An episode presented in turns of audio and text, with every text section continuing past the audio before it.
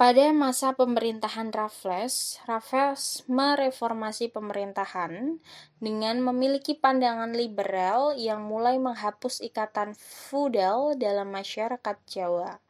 Masyarakat Jawa sudah terbiasa hidup dalam adat istiadat dan ikatan feudal yang kuat kemudian dipaksa untuk mengikuti sistem birokrasi baru, di mana pada masa Raffles, bupati sebagai penguasa lokal harus dijauhkan dari otonomi yang menguntungkan diri sendiri. Seorang bupati diangkat sebagai pegawai pemerintahan di bawah seorang residen.